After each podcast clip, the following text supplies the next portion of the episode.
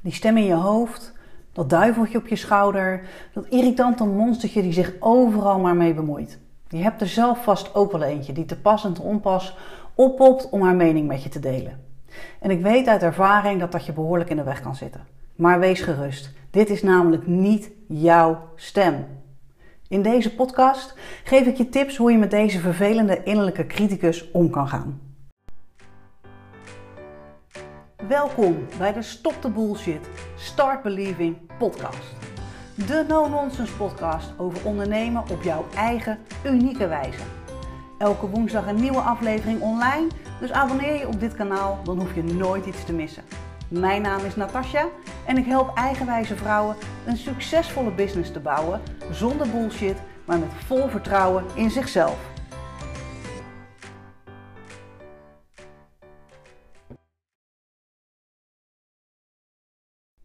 Je innerlijke criticus, want dat is het. Ik weet niet hoe het bij jou zit, maar die stem in mijn hoofd heeft mij nou nog nooit een complimentje of een schouderklopje of zo gegeven. Nee, zeuren. Dat wel, dat kan zelfs de beste. Het is nooit goed genoeg. Er is altijd wel iets dat ik niet goed doe of dat ik anders of beter zou moeten doen. Heel erg vervelend. En jij hebt vast ook zo'n stem en ik durf te wedden dat het bij jou precies hetzelfde verhaal is. Dat die stem nou nooit eens aardige dingen tegen je zegt. Ik heb een keertje via een poll op mijn Instagram gevraagd aan mijn volgers: joh, zou je beste vrienden kunnen worden met jouw innerlijke stem? Nou ja, je raadt het vast al. 100% reageerde met nee. En begrijp me niet verkeerd, want ik weet heus wel, die stem die bedoelt het vast allemaal wel heel erg goed, heeft vast het beste met je voor. Maar ja, van je vriendinnen wil je toch ook niet alleen maar kritiek en gezeur horen? Je wilt toch juist met je vriendinnen ook lekker kunnen lachen, lekker rustig kunnen ouwehoeren over, nou ja, niks misschien wel. En dat wordt echt heel lastig met die stem in je hoofd. En nou denk je wellicht, ja, leuk Natas, allemaal wat je zegt. Maar vertel me dan op zijn minst hoe ik van die vervelende stem afkom, want dan heb ik er tenminste nog wat aan aan deze podcast. Nou, was het maar zo makkelijk dat ik je alleen maar in één podcast zou kunnen vertellen dat het alleen maar een kwestie is van even een knop omzetten en dan ben je klaar. Nou helaas, zo werkt het niet. En daarbij, je hoeft ook helemaal niet van die stem af te komen. Want die stem heeft namelijk in sommige situaties wel degelijk nut, wel degelijk zin. Want die stem, die behoedt jou ook voor gevaar. Die stem, dat is wat jou veilig houdt. Het nadeel is alleen dat je niet altijd volledig veilig wilt zijn. Nou ja, zeker ook als ondernemer zijn, dan hoort het er ook wel een beetje bij dat je soms gewoon wat risico's neemt. En ja, groei, dat komt natuurlijk ook met name op de momenten dat je buiten je comfortzone durft te gaan. Kijk, het is natuurlijk niet de bedoeling dat je jezelf verwondt of, of nog, nog veel erger, maar een beetje ongemak kan in de meeste gevallen geen kwaad. Maar die innerlijke stem, die wil je het liefst daar zo ver mogelijk bij vandaan houden. Dus helemaal van die stem af, dat is dus ook niet de oplossing. Soms heb je die stem dus wel degelijk nodig. Maar om die stem in bepaalde gevallen wel gewoon even de mond te kunnen snoeren, dat kan natuurlijk wel heel erg helpen. Nou ja, hoe doe je dat dan? Nou, ik heb natuurlijk wel een paar tips voor je. In de eerste plaats is het belangrijk dat je je gaat realiseren dat die stem in je hoofd. Ik noem het altijd de stem in mijn hoofd. Misschien zie jij het meer als een duiveltje op je schouder. Maar ja, ik, ik, ik benoem het nu even als de stem in je hoofd.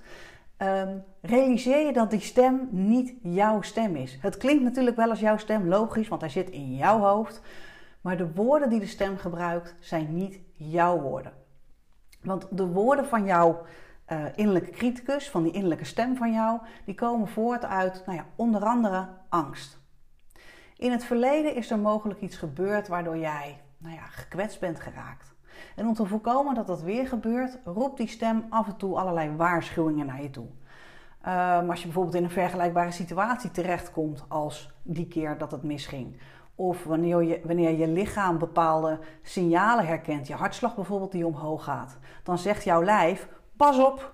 En sluit die innerlijke criticus daarop aan. En die weet dan weer vervolgens van alles daarbij te roepen. Van ja, nee, maar de vorige keer dat je dit deed, gebeurde er dit en dit en dit en dit en dit.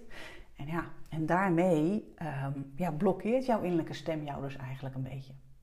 En soms vertoont je lichaam ook diezelfde situatie, diezelfde signalen als die je in een vorige situatie had waarbij er iets misging. Maar dan op een moment dat dat eigenlijk helemaal niet aan de orde is. Je lichaam kan je soms ook wat dat betreft een beetje voor de gek houden. Een verkeerd signaal eigenlijk geven. Maar dan kan het dus wel gebeuren dat je stem daar wel direct op gaat reageren. Direct allerlei dingen naar je begint te roepen om te zorgen dat je veilig blijft. En als jij dan naar die stem luistert, ja, dan ga je op zijn minst ontzettend twijfelen aan jezelf. En in het ergste geval blokkeer je volledig. En doe je dan dus niet wat je eigenlijk wel had willen, of misschien zelfs wel had moeten doen. Juist in dat soort situaties is het dan belangrijk om je te realiseren dat het dus niet jouw stem is die je waarschuwt. Het is de stem van jouw angst. En je mag dan ook gerust tegen die stem zeggen: God, dankjewel dat je zo goed op me past. En ik hoor wat je zegt, maar ik besluit toch om datgene te doen wat je eigenlijk wil of moet doen. En het kan zelfs helpen, dat is een tip die ik vaak aan mijn klanten geef. Het kan zelfs helpen om je stem een naam te geven. God, Truus, ik hoor je en ik besluit toch om een eigen weg te kiezen. Mijn klanten moeten altijd heel erg lachen op het moment dat ik zeg: joh, geef die stem nou eens een naam. Want daardoor uh, distancieer je eigenlijk van die stem. Daardoor realiseer je heel duidelijk dat het niet jijzelf is die tegen je praat, maar iemand anders. En uh, ik, vind het altijd wel heel grappig om te horen welke, uh, welke namen er dan voorbij komen. De meest grappige namen komen altijd voorbij voor die stemmen. Dus misschien kun je hier al iets mee. Hè? Geef jouw stem nou eens een naam. En laat het me dan ook zeker weten welke naam jij hebt, uh, hebt gekozen. Want um, wat ook scheelt als je je stem dus een naam geeft. Want je kan lastig tegen jezelf zeggen: hey, stop daarmee. Of ik luister lekker niet naar je. Want ja, je je moet natuurlijk wel naar jezelf luisteren. Dus om uh, die afstand te pakken, dat je dus niet tegen jezelf moet zeggen van joh, hou je mond dicht. Zeg je het dus juist tegen iemand anders en maak je het dus makkelijker um, als je dan dus je stem een naam, naam geeft. Nou, niet alleen angst is hetgene wat jouw innerlijke criticus uh, lekker, uh, lekker voedt. Jouw innerlijke criticus wordt ook gevoed door stemmen uit je verleden. In je verleden zijn er nou ja, natuurlijk ontzettend veel dingen tegen je gezegd. En dat zijn natuurlijk ook niet altijd de meest aardige dingen geweest of dingen die je verder hebben geholpen. En zonder dat jij het doorhebt, zijn er bepaalde woorden in je hoofd verankerd geraakt. Het zou bijvoorbeeld kunnen dat je moeder ooit tegen je heeft gezegd dat je je niet zo moet aanstellen. En ik denk dat er heel veel moeders dit wel eens tegen hun kind zeggen. Ik zeg het zelf ook, nou nu misschien niet zoveel meer, maar vroeger weet ik dat ik dat ook wel eens tegen, tegen, mijn, tegen mijn jongens heb gezegd. En uh, nou wil ik natuurlijk niet zeggen dat alle moeders die dat ooit hebben gezegd, hun kinderen daarmee een, een trauma hebben aangepraat. Of dat die kinderen daar later allemaal last van krijgen met hun innerlijke criticus. Nee, absoluut niet. Dat is absoluut niet wat ik, wat ik hiermee wil zeggen.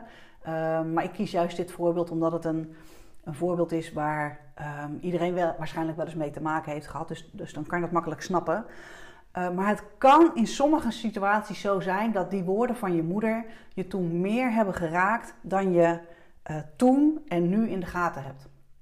En die woorden zijn dan vervolgens in jouw hoofd ja, een beetje verankerd. En die worden dus nu gebruikt door jouw innerlijke criticus. Die innerlijke criticus, die innerlijke stem, die zegt eigenlijk precies diezelfde woorden tegen jou op het moment dat je, nou ja, bijvoorbeeld uh, moe bent, aan vakantie toe bent. Dan zegt die innerlijke stem: Joh, stel je niet zo aan, hou nog even vol, je moet nog even doorwerken, kom op zeg.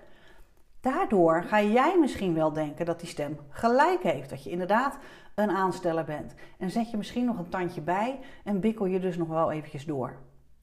Terwijl het natuurlijk ontzettend belangrijk is om juist goed voor jezelf te zorgen en vooral niet over je eigen grens heen te gaan. Als jij je nu dus realiseert dat de woorden die je hoort, dat je je niet zo moet aanstellen, dat dat niet iets van jezelf is, maar dat het eigenlijk een oude stem is van je moeder die in je hoofd zit. En als je dan terug kunt gaan naar het moment dat dat toen de tijd is gebeurd, het moment dat het je vroeger heeft geraakt, Denk daar eens over na. Hoe ging dat toen? Schrijf eventueel ook die situatie eens uit. Schrijf eens precies uit wat gebeurde er precies. Wat zei je moeder tegen je? Welke woorden gebruikte ze? En vooral, wat voelde jij toen? Iets heeft jou toen geraakt. Wat heeft jou toen geraakt? Wat voel je? Op het moment dat je dat nu kunt terughalen, kunt uitschrijven, kun je dat gaan verwerken. En zul je dus ja, veel minder last gaan hebben van die kritische woorden, van die stem in je hoofd. In mijn geval is het zo dat er in mijn verleden tegen mij is gezegd dat ik een slome slak was en dat ik lui was. En zonder te weten waar dat dus vandaan kwam, heb ik eigenlijk altijd geloofd dat dat waar was. Mijn innerlijke stem heeft mij er altijd van beschuldigd dat ik lui was, dat ik harder moest werken, dat ik een beetje moest opschieten. En toen ik zelf een poosje terug ben gaan onderzoeken welke dingen er in het verleden allemaal tegen mij gezegd zijn en wat daar dus de gevolgen van waren, toen ontdekte ik pas waar deze gedachten vandaan kwamen.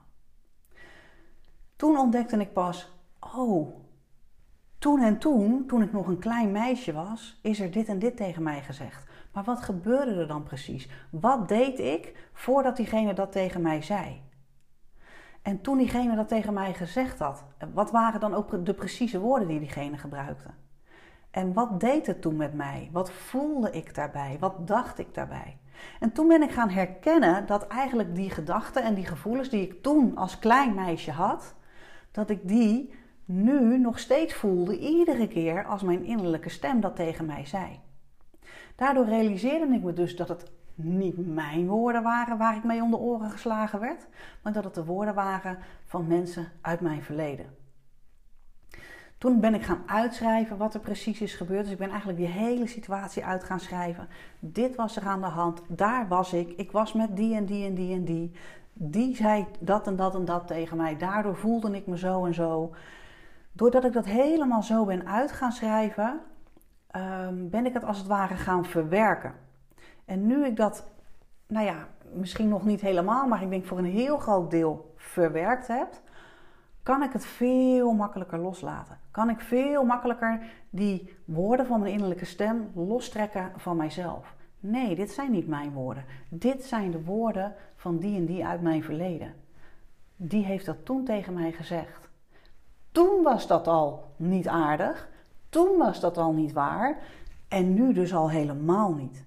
En daardoor kan je dan veel makkelijker tegen die stem zeggen: Nee, ik ben helemaal niet lui. Ja, tuurlijk. Soms kies ik ervoor om lekker luid te doen. Dat is iets anders dan luid te zijn. En dat is helemaal prima. Want aan de andere kant kies ik er soms ook voor om juist keihard te werken. En dat is ook oké. Nou, en op diezelfde manier, zo kan jij ook op zoek. Zo kan jij ook graven in je verleden. Welke dingen zijn er ooit tegen je gezegd die je nu nog steeds voor waar aanneemt? Bewust of misschien juist wel onbewust?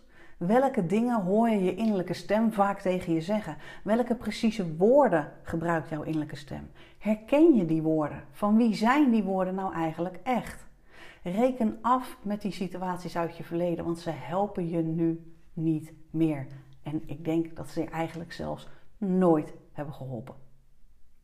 Als jij met je innerlijke criticus aan de slag wil, help ik je natuurlijk graag. Want in mijn jaartraject is dit een vast onderdeel. Uh, maar je kunt ook altijd een losse sessie bij me boeken. En uh, nou, je weet me gewoon te vinden. Bedankt voor het luisteren. Abonneer je op dit kanaal, zodat je geen podcast hoeft te missen. Elke woensdag een nieuwe podcast voor jou. Over bullshit, ondernemerschap en geloven in jezelf. Tot snel!